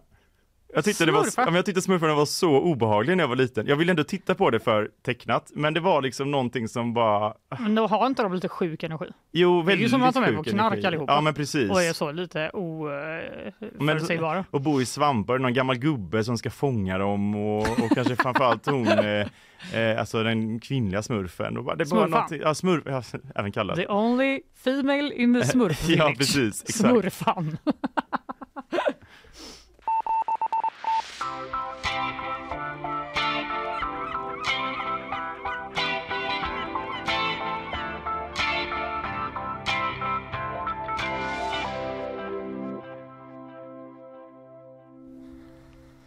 Nu är det svep! Svep nummer två Ja, så är det. med Isabella Persson. Mm. Vad har du, vad har du med dig då? Jag tänkte att vi skulle prata om den historiska migrationspakten Mm. som Just sluts det. i EU. Såg ju en del rubriker igår va? Ja, Alla jättenöjda. ja nästan. Inte Det verkar som, ehm, och Polen. Polen. Mm. Ja, men vi ska komma lite till det. Mm. Eh, det är väl framförallt de två som sticker ut när man liksom pratar om kritiken mot den här migrationspakten. Mm. Men den är i alla fall historisk och varför då då? Jo, det har förhandlats och förhandlats och förhandlats. Ja, Kan man tänka sig. i åratal Ja, va? den här specifika förhandlingen har pågått i två hela dygn. Eh, Wow. Ja, eh, Vadå Tobé... utan paus? Ja Har men alltså sovit? Tobias, Tobias Tobé. Ja, Eh, moderaten. exakt, han har varit med i den här förhandlingen och han hade inte gått och lagt sig Va? eh, nu här. Så han har suttit uppe hela natten Han, sades han det. ser ju oftast väldigt, väldigt vaken ut i och för sig. Han har ju en väldigt så här vaken blick. Så att, eh, De bara, han vem ska vi skicka det. in? Va? Ja. Det blir Tobbe. In Han behöver han. inte sova den gubben. Nej. Eh, men han har varit med och förhandlat bland annat. Eh, och eh, den har hållit på i två dygn, men man kan säga att den har hållit på i många, många år. Det började väl egentligen eh, i samband med migrationskrisen som bröt ut 2015 Mm. och då var det många som ville ha en gemensam EU-politik när det kom till migrationen. Eh, Men det har varit typ helt omöjligt att enas om. Mm. Eh, Men nu då nästan nio år senare så har man nått där eh, överenskommelsen och hur det har gått till? Jo, med lite svensk inblandning. Jaså? Ja, Som eh, sig bör. Ja, första, jaså? första skissen kom redan 2020 Jaha. och den kom då från kommissionen och presenterades av EUs inrikeskommissionär Ylva Johansson, Ja. socialdemokraten. Och eh, det var första delen i det här 2020. Sen i våras kom parlamentet fram till sin gemensamma ståndpunkt Mhm. och sen i somras även medlemsländerna. Mm. Tre olika eh, ståndpunkter och eh, det är ju lite krångligt här med EUs lagsystem och sådär, det vet vi. Men man kan väl pra- vi, vi pratar om de här tre parterna, kommissionen, parlamentet och så medlemsländerna pl- eh, pratas också om ministerrådet, men Just det kan man säga är samma sak. Lite EUs trestegsraket. Ja, Mm. exakt. Det gillar vi. Dagen med trestegsraketer. Ja. Jag har en Eh, till. Det är det sant? Ja. Det är jag säker på. De här tre parternas förslag har ju då, då försökt sätta samman. Det är det man har jobbat med och man försökte för drygt en vecka sedan. Då strandade allting. Nej, inte Mm. den här gången heller, men nu eh, är vi framme. Eh, och det vi alla väntat på, vad innebär den då? Ja, exakt. Verkligen. Vad är det de har bråkat om? Jo, det man eh, har kommit fram till då i, det här, i den här pakten, det är att man ska stärka EUs yttre gräns. Mm. Man ska snabba på hanteringen av migranter som kommer till EU. Och så ska man ha ett ordnat mottagande och tydlig uppdelning var migranter hamnar. Och de som saknar skyddsskäl ska också snabbare kunna skickas ut ur EU. Mhm. Sen så kanske det som har varit lite mm, mer omdiskuterat eh, är det som eh, EU kallar waiting areas. Som Mhm. handlar om hanteringen av de människor som väntar på besked. Mhm. Och det här har kritiserats av bland annat liksom människorättsorganisationer och ofta pratar man om detention centers, kanske ni har hört. Just Ja, det. det Eh. EU kallar det här waiting areas. Aha. Eh, Känns exakt. som en omskrivning. Ja, Ett mjukare variant det kan ju hända sak. att det är liksom andra saker som spelar in som Ja. skiljer sig men mm, ändå. Mm. De brukar användas på det sättet, Mm. orden. Exakt hur det får, ska se ut får vi väl se, men det handlar om att man får begränsa människors frihet medan Mm. de väntar på liksom, asylbesked. Eh, och som vi var inne på då, Polen och Ungern. Mm. Ja, Vad tror vi? vi tror, det låter ju i och för sig som att det här är lite av en uppstramning när det gäller integrationen. Vilket Ja. jag tänker att de borde vilja. Ja, men en Ja. del av liksom hela problemet med EUs migrationspakt är ju att alla länder har väldigt olika Ja. Just Eh, det. typer Ah. av liksom migrationsflöde. Eh, det är De fel inte ord, men liksom det ser olika ut. Men de har väldigt olika förutsättningar tänker jag också. Exakt så. Och, um, De vill inte bli påtvingade Nej, men man- från EU att nej, ta emot kanske. det blir svårt. Det kan ju vara en del av det, men Mm. också att det kan vara, se helt olika ut i vi- vilka som har rätt till asyl. Det får ju länderna kanske avgöra lite själv. Men det finns ju massa olika förutsättningar för det. Just det. Mm. Eh, Polen och Ungern eh, sa redan liksom eh, nej när eh, man röstade i ministerrådet, alltså medlemsländerna. Mm. De, då ställde de sig emot eh, eh, den överenskommelsen och fortfarande nu så säger de då att nej men vi står inte bakom den här migrationspakten. Nu är det ju så att det inte krävs konsensus i den här frågan. Mm. Så eh, hade det krävts det så hade man ju inte kommit så här långt. Men nu eh, eh, är vi där vi är och Polen och Ungern ställer sig fortfarande kritiska. Mm. Och är vi framme i mål då? Nej. Mm. Knappast va? Nej. Nej. Det ska förhandlas ännu Nej. mer. Jo. Tobbe, jag hoppas du har sovit. Ja, Mm, verkligen. nu- vila upp det Vill upp det nu. över jul ja. Ja, men han har några månader på sig. Ah, Okej, För om några månader ska det förhandlas om hur det här ska genomföras. okej. Och vi får också, har ju inte fått svar på frågan när det börjar Nej, just gälla. Jaha. Eh, Men vi är glada ändå! Ja, hej. ja, men två år kanske pratar man om Mm. uppskattningsvis att vi kan få det här Men i då- rullning. Men då ska det också in ett nytt gäng då efter EU-parlamentsvalet eh, som ska förhandla. Så kan det ju absolut Skoj! bli. Mm. Låter som en mycket förenklande eh, del Faktor. i det hela. Ja, faktor, ja, precis. Mm, det är väl i eh, juni tror jag, Ja, EU-valet. exakt. Så i sommar. Det stämmer nog. Så eh, absolut ska det in lite nya personer in i det här. Det rör på sig Ja. i EU.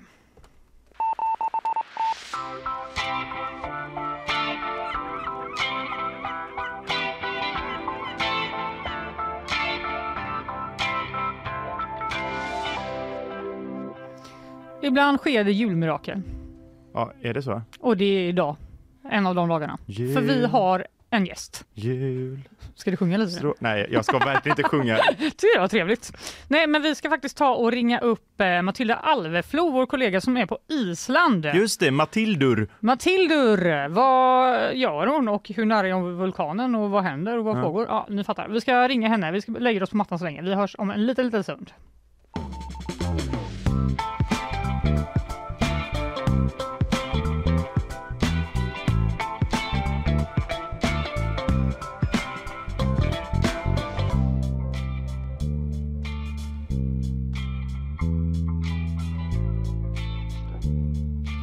I måndags så kom ju det där vulkanutbrottet som hela Island gått och väntat på i en månads tid. Utbrottet skedde några kilometer norr om den evakuerade kuststaden Grindavik på Reykjavikhalvön och har under veckan mattats av i styrka.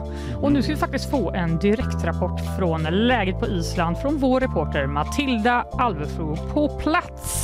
Eller vad kallar du henne? Matildur? Matildur Ja. Alvarflar. Hör du oss? Matildur Alverflar, som du nu heter. Matildur hör er. Gud vad underbart. Hej! Hej, hur mår du? Hej. Eh, jo men jag mår bra. Eh, lite trött. Det var en lång dag igår. Eh, och eh, Väckt av oss. en timme före, Mm. före oss i tid. Men, eh, Just men det. annars är det bra. Förlåt för alla hetsande meddelanden mitt i natten för dig eh, när vi kläckte idén att du faktiskt var eh, på i Island, under Island, bredvid Island. Jag hoppas inte det är under isen. Det har varit obehagligt. Mm, eh, Men du, Ja. det här utbrottet då, det har helt enkelt minskat i styrka har det rapporterats om. Men vad är statusen, den senaste statusen? Ja, alltså den senaste statusen eh, är väl relativt oförändrad från igår eftermiddag när eh, vi faktiskt var med eh, räddningspersonal så nära vulkanen, vulkanutbrottet vi kunde komma. Mhm. Eh, Och eh, om man ska försöka och typ ge en bild över hur det ser ut så eh, den här det öppnades ju upp en stor spricka i marken i samband med vulkanutbrottet eh, som var ungefär fyra kilometer lång. Mm, just det. Det är långt alltså. Ehm, Det är väldigt långt eh, och till en början så um, har räddningspersonal ute på plats igår meddelat att det sprutade ut lava på Mm. ungefär 400 kubikmeter per sekund. Eh, igår eftermiddag så låg lavaflödet på cirka 10 kubikmeter per sekund så det är en ganska drastisk En rejäl minskning. ju. Just det. Eh, och det finns väl framförallt två stycken, eh, vad ska man säga, ventiler som eh, lava strömmar utifrån just nu. Sprickan är fortfarande öppen men eh, man kan liksom inte se någon eh, eld eller magma eh, så pass nära jordytan så att säga. Så att, eh, Just, så Eh, du, sen så ja. kan det fortfarande brinna, brinna under, eh, ett par meter under marken. Men, Mm. eh, eh, men just nu är det inte så, så där jätte- jättemycket i alla fall som kommer upp ovanför marken. nej, men för att det var ju ganska dramatiska bilder där i början av utbrottet när man verkligen såg att det, det kändes som delar av Mordor, typ, att det bara forsade upp och liksom exploderade. Men du har inte sett det eller? Nej, alltså där vi, där vi kom igår, eh, det är ju fortfarande väldigt ostabilt i läget. Man, eh, man vet ju inte riktigt eh, hur snabbt det kan blossa upp igen och sådär. Eh, så vi fick ju hålla oss på en, en bra bits avstånd eh, och lite i fjärran eh, kunde vi se eh, ja, men delvis rök men också lite lavaströmmar eller lava som liksom sprutade upp eh, som ur ett eh, blåshål på en val ungefär. Det. Cool. Wow.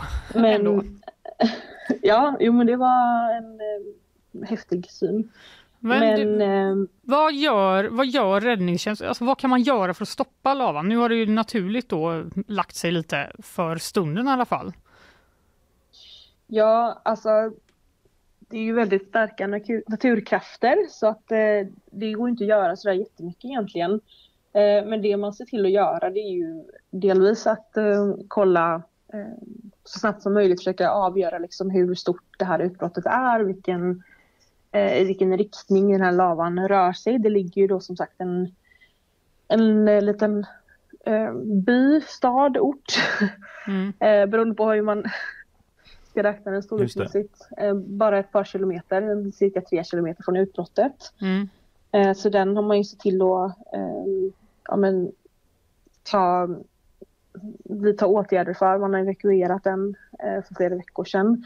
Sen inte alls långt därifrån ligger också eh, Islands kanske kändaste turistmål, Blå lagunen. Eh, de här varma, Ja, klarblåa eller, ja, källorna som Mm. eh, går att bada i och precis bredvid där så ligger också ett eh, kraftverk eh, som förser eh, kanske en 30 000 människor med, eh, med, med varmvatten och sådär. Mm. Eh, så att där har man ju sett till att försöka och skydda upp. Man har bland annat byggt eh, de senaste fyra veckorna så har man försökt bygga upp liksom en mur runt det här kraftverket då framförallt med ja, med sten och jord och, Ja, okej. och sådär. Så att eh, den, den står liksom färdig. Den är ett par meter hög eh, och eh, det är, finns en öppning i den nu på en kanske en 8-10 meter. Eh, för det går en väg rakt igenom där. Ah. Eh, men den är man liksom beredd att fylla i om det skulle behövas. Men eh, än så länge så Just har de eh, Det klarat låter ganska dramatiskt ändå. Ja, men det är ju, de har ju ändå haft då några veckor på sig nu sedan de, de här första larmen kom om den här magmatunneln som vi har pratat om här innan. Och de har, som du sa, evakuerat den här eh, staden då, Grindavik. Men du har ju pratat med en person, Solny Palsdottir, Palsdottir kanske man säger, eh, som är från Grindavik och hon trodde att hon kanske skulle få kunna åka hem och fira jul eh, där, men nu blir det inte så. Berätta vad hon sa. Ja, eh, man har ju då varit beredd på att eh, det kan komma ett vulkanutbrott. Eh, det har ju rört mycket på sig, det har varit eh, extremt många jordbävningar. Både i mindre och lite större skala eh, eller magnitud. Eh, och eh, bara i måndags då, bara ett par timmar innan vulkanutbrottet så berättade Sony att de fick ett meddelande från polisen som sa att ja, men det kan faktiskt hända att ni kan få komma hem och fira jul Mm. eh, i era hus i. Grindavik. Nej, det skulle de ville inte de vara ha snälla. sagt. Ja. Jinx. Men eh, ja, verkligen. Men eh, sen ett par timmar senare så ja, bröt vulkanen ut. Ehm, och alltså man har ju gått och väntat på det här. Men eh, att det skulle hända just nu var väl då ändå lite oväntat kanske. Eh, det gick väldigt snabbt och den här sprickan öppnade sig väldigt snabbt. Mm. Eh, och ja, men ganska kraftfullt i början. Och eh, Grindavik ligger som sagt bara en tre kilometer ungefär från, från den här sprickan. Ehm, och de första timmarna där så visste man ju inte riktigt vilket håll magman skulle ta. Eh, till början så flöt den ut lite överallt. Mm. Eh, men eh, så att de i Grindavik eh, ja, tänkte ju liksom att nu kanske vi får Mm. vårat, våran stad eh, nedbränd. Eller dränkt i lava. Svårt att relatera till kan man ju Verkligen. känna ändå. Ja, Inte en känsla jag haft själv. Att bo granne med vulkan så liksom. Mm. Mm. Ja, Men du, nej, de har ju haft ja förlåt, du fortsätt. nej, nej, men, nej men sen så är de ju också, de är ju ändå lite vana. Eh, Solny berättade att eh, under då, alltså hon har bott där hela sitt liv men de senaste åren så har de ju haft tre stycken vulkanutbrott nära inpå. Eh, Mm. De har aldrig behövt evakuera innan men eh, hon har liksom sett vulkanutbrott och eh, lava från sin eh, trädgård. så att eh, Shit alltså. de är ju, de är ju eh, ändå, även om det är det här är första gången som det är liksom på riktigt hotat deras by så är de ju ändå vana vid själva naturfenomenet. Mm, mm. Mm, ja, det är Men hur, klart. hur får de fira jul nu då? Berättar de det? Alltså vart, vart gör de det istället? Ja, just hennes familj eh, ska väl eh, hem till lite släktingar. Eh, De hade haft, berättar hon, men tur jämfört med många andra. De har, tog tillflykt till sin sommarstuga och till lite släktingar de första veckorna. Sen så fick de, kunde de hyra faktiskt ett nyproducerat hus i Reykjavik som ligger en 40 minuter eh, från Grindavik ungefär. En 30-40 minuter. Eh, så, att, eh, så de hade tur men Mm. det är många som inte eh, har det som fortfarande klämmer upp sig hemma hos släktingar Ja. eller hotellrum eller eh, sådär. Så att, Mm. eh, Speciell jul för Grindavik alltså, eller Grindaviksborna. ja, Ja, det får man säga. ja, Och eh, du stannar kvar på Island eh, ett tag. Vad är det du ska rapportera om närmst? Vet du det? Eller ska du bara ge dig ut i, eh, i byn tänkte jag säga? Ja, nej men idag så är det faktiskt så att eh, sent, sent igår kväll så fick vi ett eh, mail här. Vi har ju lyckats signa upp oss på någon form av presslista. Mm. Eh, att de kommer faktiskt att släppa på Grindaviksborna och media till Grindavik eh, en stund idag. Eh, Mhm. för att få komma tillbaka och kanske hämta lite grejer. Mm. Eh, man har väl bedömt nu att det är ändå så pass säkert just Mm. där att man kan ta sig dit. Sen så Sen har de också sagt det att eh, det finns liksom varningssystem installerade och eh, alla måste ha lämnat i en viss tid och ingen får stanna kvar över natten och sådär. Mm. Ehm, så, att, eh, så det blir väl eh, planen att försöka åka ut dit och se hur det ser ut. Ehm, det är väl ungefär tusen hus i den här byn eh, och flera av dem är totalförstörda efter eh, jordbävningarna som har varit då Mm. innan vulkanutbrottet. Just det. Ehm, Hon, Solny som jag träffade igår, hennes, hon berättade att hennes hus har eh, rest på sig 15 centimeter på ena sidan så att det står i en liten lutning just nu. Mhm. Ehm, Så att eh, det har ju bildat stora sprickor och sådär i marken eh, i Grindavik också. Mm. Så Ja, att, eh, ja. Det blir ju väldigt, eh, ser vi fram emot att eh, få läsa en rapport direkt från Grindavik helt enkelt på g.se senare under dagen. Det får ni Från absolut dig göra. Matilda. Men tusen tack för att vi fick ringa upp dig och ta hand om dig nu. Håll dig Ja, på bra avstånd till den här magmatunneln tycker jag. Ja, verkligen. Bra kämpat. Ska jag, ska, jag ska göra mitt bästa för att undvika att trampa i lava. Ja, bra. Tack så jättemycket Matilda. Ha det bra. Tack så mycket. Hej!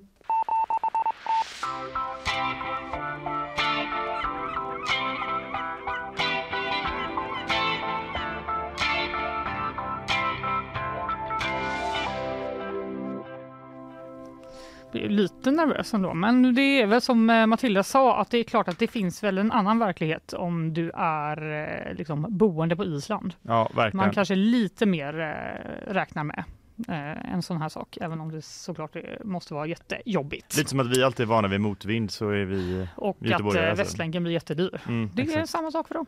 Eh, från det ena till verkligen, verkligen, verkligen något annat. Ja. Eh, så här eh, när vi hoppar in i bakvagnen igen. Mm. Eh, blir skoj. Ja, nu ska vi prata om eh, en ordbok. Vi har ju pratat om den förr faktiskt, jag har gjort det. Det är nämligen Svenska Akademins ordbok då som blev Saub. färdig, exakt, Saub. Den blev färdig i höstas efter 140 år. Det var ändå ganska länge. Ja, det är jag. länge. Finns det så många ord i svenskan att det tar 140 år? Ja, kanske. Mm, Eller- Det verkar som det, men det är bara det att sen läste jag då nyheter igår om att det verkar som att den inte alls är färdig. Eh, det står att... Missade de en bokstav? Eh, nej, men de började för väldigt länge sedan. Bara, grabbar, vart är R? Vad pinsamt det har varit. De glömde en hel bokstav. Ja. Eh, det känns inte som att de här människorna som jobbar med det här eh, skulle göra ett sådnt misstag. Nej, vill jag bara nej. säga. Jag hade kunnat göra det. Men, eh, eh, ja, exakt. Men igår kväll så skulle man då presentera verket på akademins högtidssammankomst. Men fortfarande återstår drygt 10 000 ord att kartlägga, rapporterar SVT Nyheter Skåne. okej. Och anledningen till det då är att en stor mängd ord tillkommit sedan 1883 då arbetet inleddes. Det kunde man ju tänka sig Nej. va? Det är inte bara så mobiltelefon utan det är liksom Nej, de har... Glödlampa, eh, typ. Ja, exakt. De har ett exempel här. Ordet allergi fanns inte på 1880-talet. Oj. Eh, Det är nytt och användes inte när då redaktionsmedlemmarna på 1800-talet eh, koncentrerade sig på bokstaven A. Och bokstaven S eh, tog ett helt yrkesliv, 40 år att avsluta. Andra var mer behändiga. W klarades av på ett par månader. Det var en hisnande känsla att kunna skriva en hel bo- eh, bokstav, säger huvudredaktören Bodil Rosqvist till SVT. Så de får liksom lite bakläxa nu då. Mm. De har ju bara hållit på i 140 år, så jag vet, inte, jag vet inte hur lång tid det kommer ta att kartlägga 10 000 ord till, men eh, det måste väl åtminstone ta ett år antar jag. Ja. Men Eller det är ny helt sån- Det är också en sån ny rolig jämförelse apropå Västlänken. Vad blir klar först, Västlänken eller Saab? Ja, lite så känns det ju Ja. nu. Men eh, jag var inne då på eh, SVT för att läsa om den här nyheten och då hittade jag liksom en litet inslag som de hade gjort med eh, tre av redaktörerna som jobbar på, med den här ordboken. Mm. Och där de helt enkelt fick eh, frågan vad de, eh, vilket var det roligaste ordet eh, i Ja. den här listan Kul. enligt dem. Eh, och då tyckte jag att det var lite kul. Alltså, det är väl klart, roligaste orden i den här världens mest Mm. mastiga verk vill man ju veta. Ja. Och då vill jag också bara säga att det, de här orden ändå säger någonting om liksom vilken level av nördighet man måste besitta för att ha det här jobbet, tror jag. Nu ska vi eh, se om du lär dig något nytt då. Ja. Ord nummer ett. Det roligaste ordet jag har jobbat med är nog ordet toalett, för det har så väldigt tydlig betydelseutveckling. Det betyder först sidentyg, litet sidentyg. Och sen kom det att betyda WC-stol eller toalettstol. Tydligt. Ja, verkligen. Litet sidentyg, sen blev det en toalett. Ja. Det är från det ena till det andra. Ja, eller hur? Ja. Men ändå eh, ungefär samma värld, Ja. antar jag. Eller? Inte helt tydligt ändå. Eh, ord nummer två. Jag gillar ju ordet kamelopard, eh, som är då en sammansättning av kamel och leopard. Det är ett ord som användes för eh, djuret giraff innan ordet giraff kom in i svenskan. What? Men vänta, det måste vi börja använda igen. Kamelopard? Kamel- Bring back kalemo- Jag kände också det. Men också kul att man inte hade ordet giraff ja. när de började jobba med det här. Eller när de kom till... Mm. Nej, En bokstaven. giraff, vad är det? Nej, det vet jag inte vad det är. Jag vet bara vad en eh, kamelopard är. När kom ordet giraff till Sverige vill man ju veta då. Ja, Det vet jag inte. Nu bara ställer jag frågor till dig som du inte kan svara på. just det. Nej. Men eh, kamelopard, Mm. Ändå ett nytt favoritord även för oss två låter det Ja, som. verkligen. Ord nummer tre. Ja, ett av mina favoritord är urgyttja och det är alltså inte någon lera ur tidernas begynnelse utan det betyder faktiskt slöseri och slösaktighet. Ett ord som inte använts sedan 1700-talet. Urgyttja. Ja, det är ingen kamelopard är det inte. Nej, jag kände verkligen det är ett ord som kan få stanna på eh, 1700-talet. Mm. Kan jag känna. Har du något favoritord? Nej. Borde man ha det? Har du det? Nej, jag vet inte. Jag det hade varit så själv. snyggt om jag hade bara, ja givetvis, Mm. eh, ordet eh, blablabla. Nej, men eh, typ ordet pluskvamperfekt är ju bara roligt att säga. För att det är När säger du det? aldrig, men det är ett roligt, det är ett roligt ord.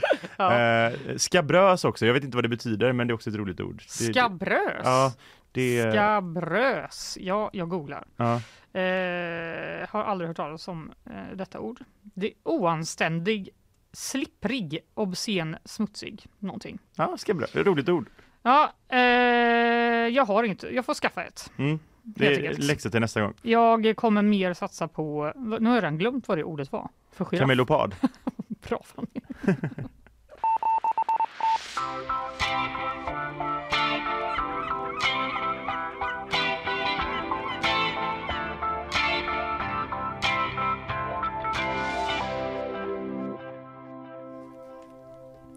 All right, från eh, mycket gamla ord till eh, någonting som ju är det verkligen senaste heta. Jag- Blir man, eh, jag, jag är ganska trött på att prata om det redan, men vi ska prata om det igen. Artificiell intelligens, Ja. AI. Det är väl ett av, ja, nej det är inget ord i och för sig, men annars är det någonting som kanske behövs in i Saab då. Ja, det är någonting säger mig att det inte finns på bokstaven A som de började med på 1800-talet. Nej, jag tror inte det i alla fall. Men, ett av de 10 000 orden som Ja. ska in. Ja, Artificiell- ja, men AI det är kanske mest eh, uttjatade ämnet. Från, Verkligen. Förlåt för att jag tar ner din... eh, Det, nej, nej, jag tycker också det är otroligt uttjatat. Ja. att, eh, men nu är det bestämt. Svensk skola hoppar på succétåget AI är Ja. beslutat. Eh, det är vår utbildningsminister Mats Persson från Liberalerna som säger detta till TT. Eh, för att regeringen tycker att det är viktigt att vi hänger med. Ja, Ja, och Skolverket har nu beslutat att det ska gå att ta kurser i AI som ett nytt ämne i gymnasieskolan och på komvux från och med i höst. Mhm. Jag vet inte riktigt exakt hur det ska se med AI-kunskap kanske, eh, rent spontant. Var det inte det mest googlade? Eh, nej, var det Open AI som var mest googlade? Ja, Mm. ChatGPT var det. Ja, just det. Ja, ja, okej. Men, Men, eh, ja. ja. AI-kunskap nu i alla fall. Det här ämnet ska ju erbjudas på då de naturvetenskapliga programmen och teknikprogrammet. Mhm. Övriga elever ska få kunna välja till, eh, till AI-kunskap då som individuellt val. Mm. Och allt det här då skrivit TT. Mm. Eh, Det framgår kanske inte riktigt hur det ska se ut i praktiken men, men är det liksom så här typ så här, gör en deepfake. Eh, Alltså säkert eller? ja precis. Och sen bara visa hur du kan veta presentation. att det är en deepfake. Precis, och så ska man ha en presenta- presentation av sin deepfake och sen så blir man underkänd om man inte gjort den presentationen via en AI. Just det. Typ. Att det är tvärtom bara. Eh, Man ska använda AI Exakt, för att göra fuska allting. så mycket du kan. Ja, just det. Ja. Sen man skriver något Inga salstentor. Nej, jo, man skriver ett prov och de bara, vad gör du? Man bara, vadå? bara, Nej men du kan inte skriva själv, det är en AI som skriver det här. Ja, precis. Det fattar du väl, eh, Melker. Eller jag vet inte vad gymnasiet heter längre. Men, eh, 100% en kille på eh, tekniska linjen. Ja, eller hur. Det har du helt rätt i. Eh, skolorna ska i alla fall själva avgöra om kurser i AI ska kunna ges och för att kunna erbjuda det då, det är ju lite kanske det här som är eh, moment 22 då, så krävs det att lärare som själva studerat artificiell intelligens på högskola och jag vet inte hur många lärare där ute det är som har, alltså min bild av en lärare är ju inte att de är kanske Nej eh, i, liksom, vad ska man säga, i Vad ska du säga nu om alla lärare där ute? Nu får du, Ja, nu får jag, du- jag är lärarbarn så jag säger att jag får säga detta, men det känns, inte som att, det känns inte som att de kanske går i bräschen för AI nödvändigtvis, men det Nej. kanske finns jättehippa och så här lärare som gör detta. I don't know. Men, eh, Men jag antar att de måste utbilda sig då va? ja, precis. Fortbilda sig lärarna. Och det finns ju utbildningar på högskola för detta så att, eh, och ska väl försöka implementeras mer inom lärarutbildningen då. Mm. Men eh, ämnet AI kommer i alla fall enligt Skolverket främst fokusera på AI-utvecklingen ur ett samhällsperspektiv, men även ge elev- eleverna möjlighet att lära sig använda AI för problemlösning. Mm. Så att, ja, men, men man ger ju verkligen ett, eh, det här redskapet i händerna att- på eleverna att kunna fuska. Ja. För det är ju det som skolan har ju brottats med innan, att, att folk använder sig av ChatGPT för att kunna liksom skriva en uppsats. Och nu blir Och nu ska man få på skills på det och man kommer ju bli bättre än vad lärarna är, förmodligen. Liksom. Ja, det tänker jag också. Eh, Men eh, ja, det återstår att se. I alla fall Skolverket uppger att man kommer se över utbudet även på högskolan då och ge lärosäten uppgift att anordna fortbildning för lärare så att vi får en generation av AI-mästare. Det blir ett slags battle mellan lärarna och eleverna, vem som lär sig snabbast. Mm.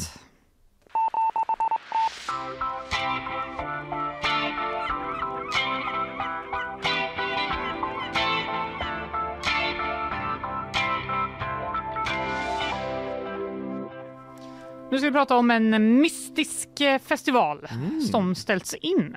Jag läser på eh, P3 Musiknyheter då att eh, David Guetta, Fröken Snusk och Icona Pop var några av artisterna då som utlovades till en ny sommarfestival i Norrköping. Men nu ställs festivalen in och meningarna om varför går isär. Oj, det är rapporterar Norrköpings eh, tidningar. Och det verkar då vara ett nybildat bolag som kallade sig för Event Peking. De sa sig då att de skulle kunna arrangera den här stora festivalen eh, utomhus. Enligt arrangören, som vid en presskonferens tidigare den här månaden uppträdde maskerad. Va? What? Beror det på att man inte fått eh, markupplåtelse av kommunen? Varför maskerad arrangör? Var inte det konstigt? Ja, jättekonstigt. Det skriker ju inte seriöst. direkt. Nej, jag vet inte. Det, kanske var eh, en inspiration av Fröken Snusk. Ja, De ja, bara, det verkar soft att ha en skidmask på sig. Exakt. Eh, men eh, den här arrangören då, de har eh, lagt upp en skärmdump på ett mejlsvar från kommunen där de skriver att marken är för nära en väg, alltså marken Mhm, de vill ha, eh, arrangera på. Vi kommer göra andra event, men aldrig mer på kommunal mark, då de inte vill ha kultur i staden om det inte är deras egna festivaler eller musikuppträdanden. Bara deras egna intressen ser Norrköpings stad till om, skriver arrangören på eh, sin Okej. hemsida. Eh, Norrköpings kommun har en annan bild. Enligt dem så har arrangörerna själva dragit tillbaka sin ansökan och dessutom inte svarat på frågor om säkerheten på festivalen, vilket krävs för att bli godkänd. Kanske ganska rimligt krav, eller? Jag tänker också det. Eh, det står att Norrköpings tidningar inte heller har fått svar från artisterna om de verkligen var bokade till festivalen. Vilket jag ändå tänker är så här, lite rimligt att de har så här, den här maskerade personen, Mm. är den, vi kanske ändå ska fråga dem. Ja, precis. Var ni bokade till det här? Mm. Vi, vi, vi, vi tar ett samtal. Ja, det känns som att det var väldigt mycket konstigheter med det här Mm. ändå. Mm. Men eh, det kanske inte spelar någon roll om det ändå inte blir av. Nej, precis. Men eh, ändå. Spännande typ av arrangör. Ja, verkligen.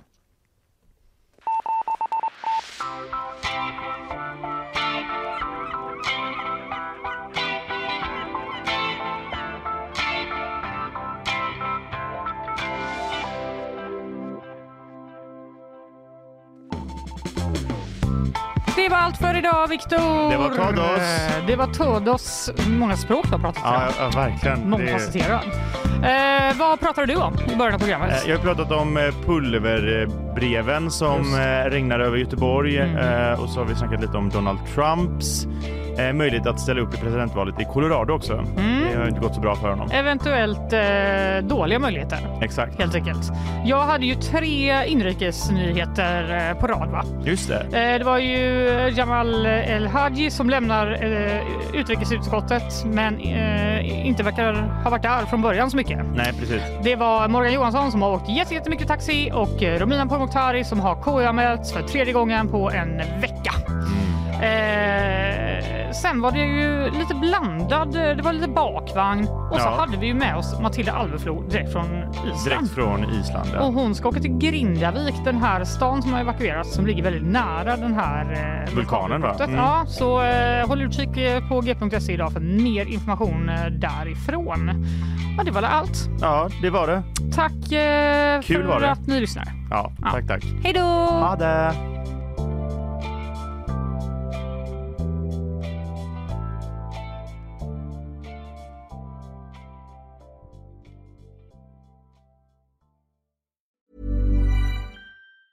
Hi, I'm Daniel, founder of Pretty Litter. Did you know cats tend to hide symptoms of sickness and pain? I learned this the hard way after losing my cat, Gingy. So I created Pretty Litter, a health monitoring litter that helps detect early signs of illness by changing colors, saving you money and potentially your cat's life. Pretty Litter is veterinarian developed, and it's the easiest way to keep tabs on your fur baby's health right at home. Go to prettylitter.com and use code ACAST for 20% off your first order and a free cat toy. Terms and conditions apply. See site for details. Even when we're on a budget, we still deserve nice things.